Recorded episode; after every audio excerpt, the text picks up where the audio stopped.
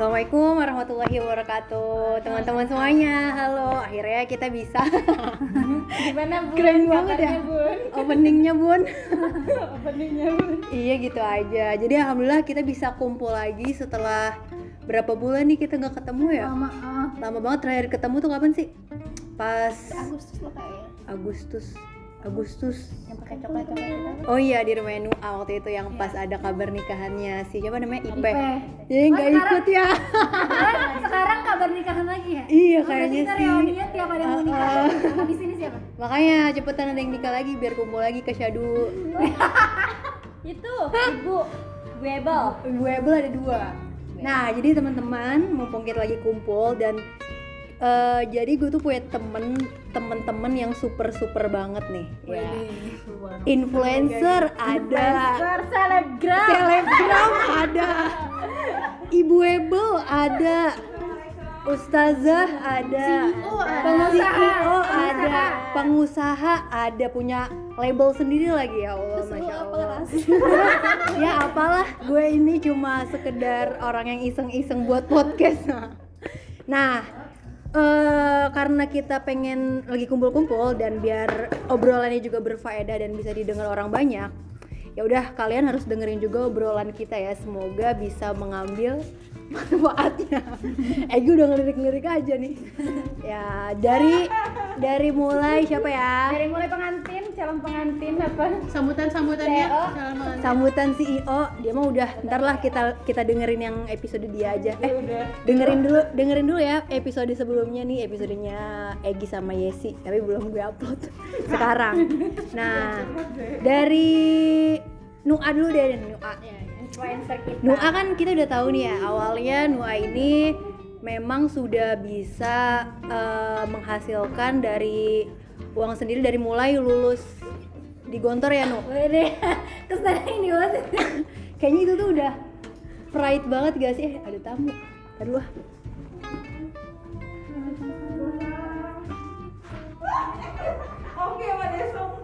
iya. ya jadi gimana nu? Lulus lulus kan ya nih 2013 terus pengabdian nih setahun. Terus kenapa milih untuk nggak lanjut nggak langsung lanjut kuliah tapi milih eh, apa sih kemarin dulu tuh? Lu di join mana? akademi.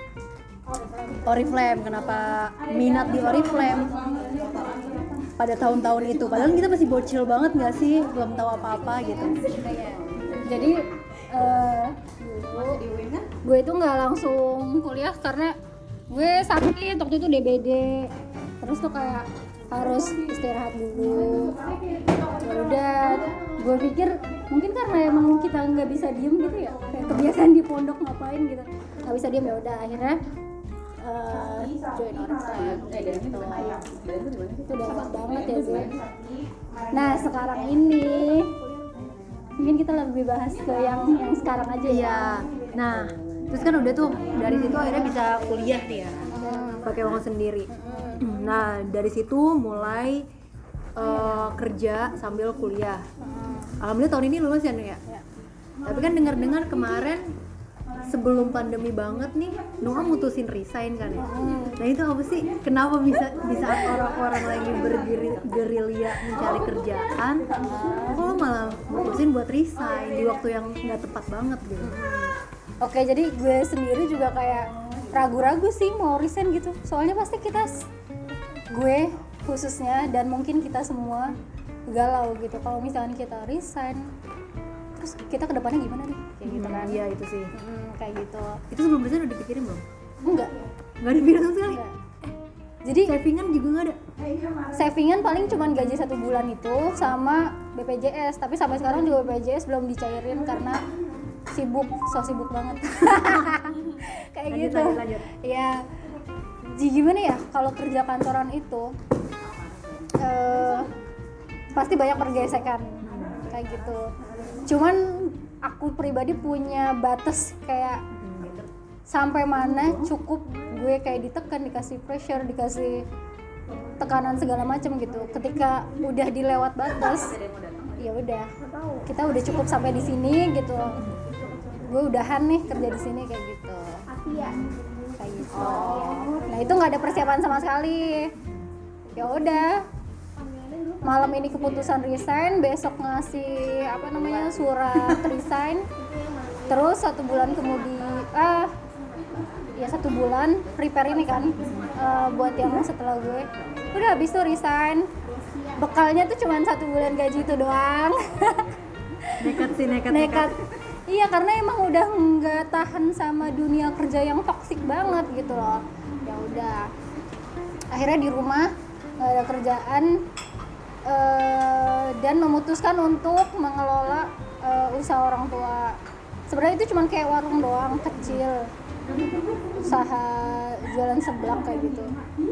Akhirnya dengan banyak dukungan teman mereka minta buat didaftarin ke GoFood, ke GrabFood kayak gitu. Ya udah akhirnya nu daftarin dan ternyata antusiasnya tuh di luar ekspektasi banget kayak gitu jadi awali dari situ akhirnya emang kalau rezeki itu emang nggak ke mana ya. Hmm, benar. Yang penting kita yakin dulu kuncinya. Uh, usaha.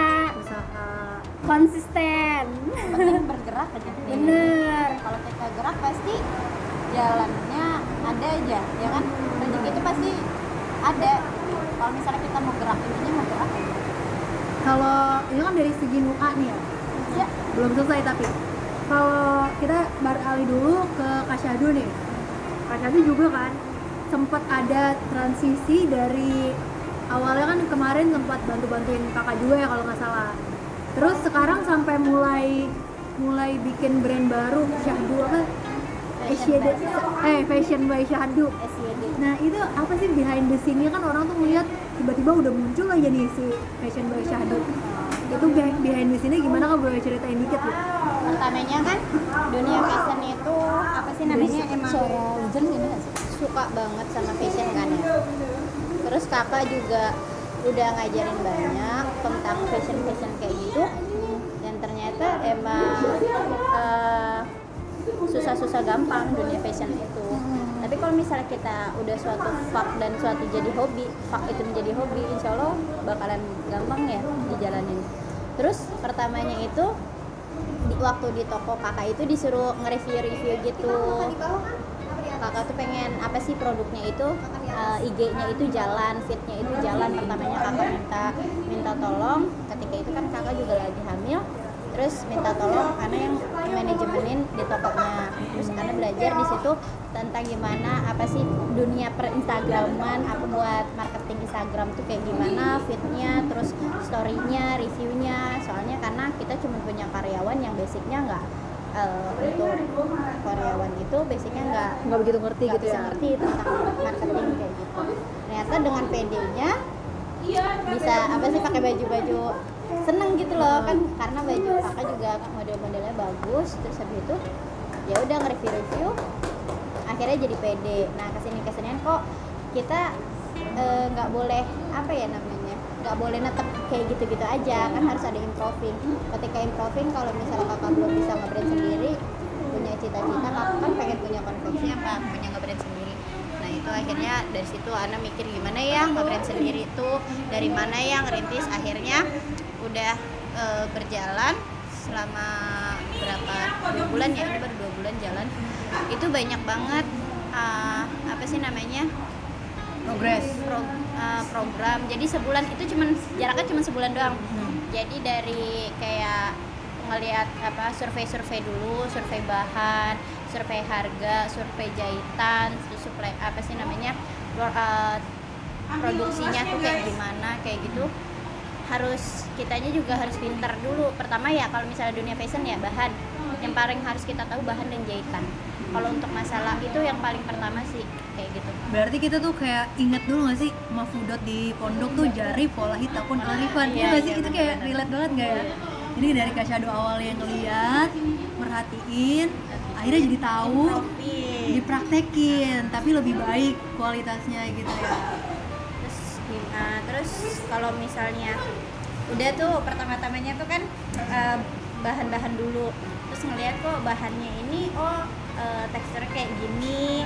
Terus kok eh, kalau misalnya kita satuin harga jahitnya berapa terus harga bahannya berapa terus marketingnya apa sih namanya harga brandnya berapa sama packagingnya berapa kan juga orang tuh ngelihatnya juga oh packagingnya udah mulai pakai kardus nih. Soalnya kalau pertama kali waste zero waste gitu ya? Uh, uh, jadi lebih kayak menarik gitu loh satu dari ininya apa story-nya juga. Kayak misalnya satu kenapa aku ngambil modelnya tuh anak sendiri? Karena ya itu biar orang tuh percaya. Iya. ketika Oh, ini Ana juga dipakai Ana make tuh gitu ya? emang bagus gitu dan emang Ana juga make gitu loh. Jadi ketika Ana make apa yang Ana pakai itu Ana uh, mempublishkan juga untuk dijual juga. Jadi biar reviewnya benar-benar jujur gitu. Pasti kan orang juga tertarik ketika ngelihat aslinya gitu dipakai. Beda sama ketika kita juga ya. Ketika kita minjem model lain. Badannya model kan beda ketika di badan kita. Apa kan model juga nggak pernah ketemu sama orangnya langsung. orangnya langsung. Yang pertama sih targetnya teman-teman dulu. Nah nanti dari teman-teman gitu pertama intinya teman-teman dulu. Kalau misalnya teman udah percaya pasti kan eh, nyebar kan ya kayak gitu. Kalau udah nyebar gampang berarti kan emang apa ya marketnya juga teman-teman sendiri ya. Nah ngomongin masalah market market nih Nua kan juga influencer ya? Nah itu tuh gimana sih? Awalnya yang awalnya kan eh, yang gue tahu tuh jadi kayak cuma open endorse gratis lagi. Dan sampai puluh-puluhan tuh ya.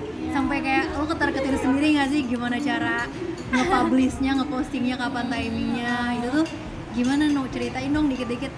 Ya jadi waktu itu eh, posisinya Noah lagi ngerintis bisnis itu juga warung seblak. Nah alhamdulillah yang tadinya jadi itu pengalaman pribadi Noah tuh ngerasa pas pandemi orang yang usaha itu tuh bener-bener anjlok semua ya nggak sih? Kayak gitu. Dan itu Noah ngerasain sendiri Noah alamin sendiri sampai bener-bener yang kayak warung tuh kayak cuman omset 10% dari biasanya. Jadi itu kayak kecil banget. Akhirnya Noah bisa eh, ngelola warung dan omsetnya udah 100% dari omset awal gitu. Jadi Noah juga pengen usaha orang-orang usaha teman-teman Noah khususnya eh, bangkit. Semuanya hmm, sebenarnya sih kalau misalnya apa sih kuncinya tuh?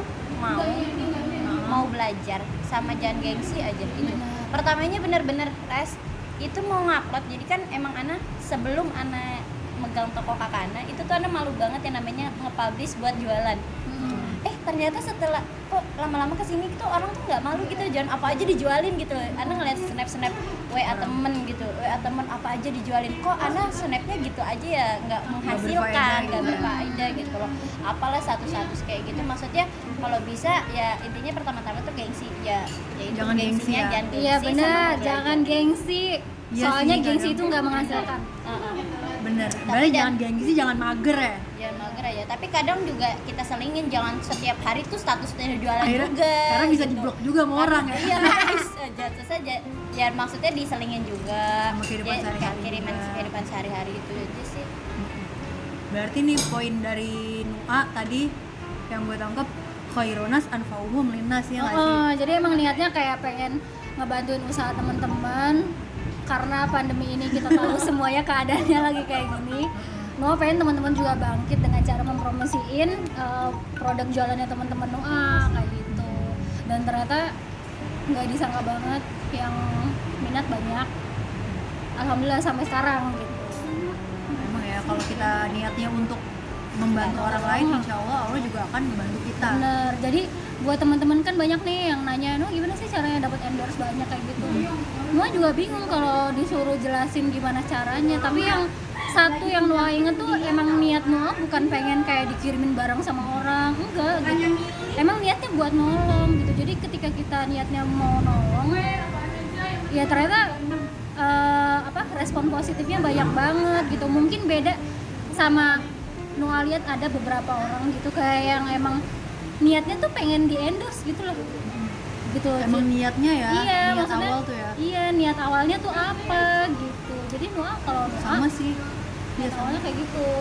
Sama kalau orang kayak orang mau nulis orang mau nyanyi kalau niatnya awalnya udah kayak pengen terkenal aja Hmm, dan dia nggak nggak mendapatkan apa yang dia niatkan pasti akan ya udah gitu aja kan. Akhirnya gampang nyerah. Iya dan akhirnya kecewa sendiri Iya, sedih kecewa. sendiri kayak gitu. Ya nothing tulus aja gitu ya awalnya. Hmm, nah ini nih sebenarnya kan juga Influencer. ya namanya orang sukses itu pasti banyak ada lika-likunya gitu.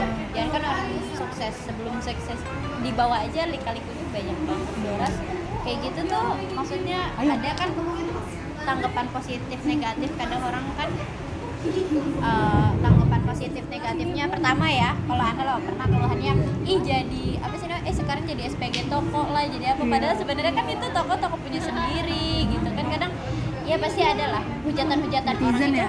ah, netizen yang dibikin jadi kita harus lebih improving benar terus di awal kita ngerintis bisnis apalagi kayak kita mulai suka promosi itu pasti banyak omongan-omongan Oh. Banyak yang ngeledek mungkin orang maksudnya bercanda kayak gitu tapi kita sakit hati itu jadi kayak hal yang wajar banget. Jadi buat teman-teman yang lagi ngerintis apa pun eh, kita punya dua telinga tapi kita juga punya dua tangan yang bisa nutup telinga kita gitu. Jadi fokus aja maju ke depan gak usah terlalu banyak dengerin apa kata orang Udah, udah, udah. Ini quotes banget nih. Selain punya dua telinga, kita juga punya dua tangan untuk berdoa. Iya, Waduh. benar. Keren, keren, keren, keren. Kalau Kak Syari sendiri apa nih pesan-pesannya untuk orang-orang yang mau mulai usaha kayak gue juga gini, tapi bingung dari mana dan masih gengsi buat ngepromotin gitu. pokoknya mau belajar gak gengsi gimana kita misalnya kita punya kesibukan nih kita ngajar misalnya kita ngajar tapi kita punya harus yang namanya Rasul aja tuh ngajarin kita Iya, untuk tijaroh itu pokoknya moto pertama tuh Rasul aja ngajarin kita tijaroh apalagi waktu di pondok kan juga pernah kan kita ngomong kita Uh-uh, itu nggak dididik untuk menjadi Gawai, pegawai. Kita harus jadi apa jadi kalau bisa wirausaha. wirausaha Sampai gitu. kelas 6 kita kan juga sampai Jangan dikhususin banget. Ada iya ada namanya? seminar Bukan, bukan. Apa sih? Yang, yang kita ini tuh ke mana-mana tuh. Iya Rihla Rihla, oh ya Rihla episodia ya. episode dia Itu dia tuh sih bahasa Indonesia tuh? ekonomi ya? iya. Sebenarnya kan banyak banyak banget yang udah pondok ajar ke kita gitu loh. Kalau misalnya kita ngandalin satu dari pekerjaan kita buat ngajar ajar gaji buat ngajar mana seberapa gitu loh. Yang penting ya itu sunnah rasulnya dijalanin. Itu intinya jangan sampai malu dagang kalian malu da- soalnya rasul aja tuh berdagang gitu loh. Itu sih yang pertama kali itu. Dari pola hitam penarifan Bener-bener. Eh, Dari penarifan. tapi Noah juga di awal ngerintis bisnis itu sempet kayak gitu juga loh mikir masa gue jualan seblak doang gue brandingin? Iya gengsi. Itu tuh lebih kayak gengsi iya kayak banyak takutnya juga eh emang gue brandingin seblak emang ada yang tertarik kayak gitu tapi tuh kita tuh nggak bakal pernah tahu hasilnya kayak gimana sebelum kita bener-bener coba dan terjun langsung kayak gitu kadang-kadang tuh itu kayak pikiran kita sendiri gitu loh yang malah kayak jelek-jelek eh malah takut nggak laku ih nggak jelas banget iya iya kayak gitu tapi tapi kecil kita sendiri yang Mm-mm. ngomong dan hati kecil kita sendiri yang bakalan nonton kita mm-mm. Nah, ketika di fase itu sampai sekarang akhirnya mulai itu gimana sih yang bisa ngalahin kegengsian itu apa? Titik apa? Eh, karena Eh, mau gini. maju aja ya. Apa? Mau maju gitu. Iya. Ketika orang mau maju kalau kalau dengerin omongan orang orang cuma bisa ngomong tapi nggak menghidupi gue gitu loh. Kalau kita nggak maju kalau kita nggak usaha yang mau menghidupi kita itu siapa? Kalau bukan kita sendiri kalau bukan kita usaha sendiri kayak gitu itu Terakhir nih ya, terakhir. Capek nggak sih? capek nggak sih apa nih Capek nggak sih ngejalanin eh, kan yang namanya bisnis itu kan nggak pasti ya Mm-mm. naik turunnya untung aja tuh udah eh nggak rugi aja tuh udah seneng Mm-mm. apalagi untung nah itu tuh di titik itu capek nggak sih kita harus apalagi ngejalanin sendiri ngedit ngedit sendiri eh, nyari-nyari sendiri. Kalau Kasyadu kan ya cari-cari bahan sendiri nyari tukang jahit sendiri. Kalau Nua juga ngedit-ngedit video sendiri foto-foto sendiri nggak ada fotografer nggak ada admin sosmed gitu kan. Gimana tuh? Itu capek nggak sih? Coba kado dulu kado dulu. Sebelas karena hobi ras. Seneng eh, dibuat enjoy. Terus adik-adik juga kayak eh kak aku mau ini dong fotoin. Itu dengan senang hati. Kalau ketika kita emang bener-bener ikhlas ngejalanin terus enjoy nggak denger sana sini cuek lah itu. Kalau misalnya emang kritikan orang itu buat masukan kita nggak apa-apa. Tapi kalau untuk menjatuhkan kita ya Ana sih nggak pernah ngedengerin nggak pernah sih. Sampai sekarang kalau ada yang jatuhin nggak pernah dimasukin ke hati. Cuman enjoy banget ngerasainnya sampai sekarang nggak pernah ada duka sih ketika kita emang udah vaksin kan yang namanya suat BJ Habibie itu kan pernah kan? Kalau misalnya kita apa? Diketan kalau misalnya kita punya uh, bidang keahlian dalam satu bidang kita tekunin kita bakal jadi ahli. Nah anti suka fashion daripada anti cuman buang-buang uang untuk fashion meningkatkan fashion anti OOTD doang mending kenapa enggak suatu fashion gitu ya? menjadi apa kita jadiin ngebrand sendiri kita jadiin jadi penghasilan uh, jadi penghasilan dan orang-orang kadang suka ngelihat kita pakai baju apa kita pakai baju itu kan udah satu kunci. Berarti orang banyak yang tertarik apa yang kita pakai gitu loh ya kan? Oh TD kita banyak yang tertarik orang pakai itu udah satu kunci buat kita jualan loh buat kita ngebrandin kayak gitu.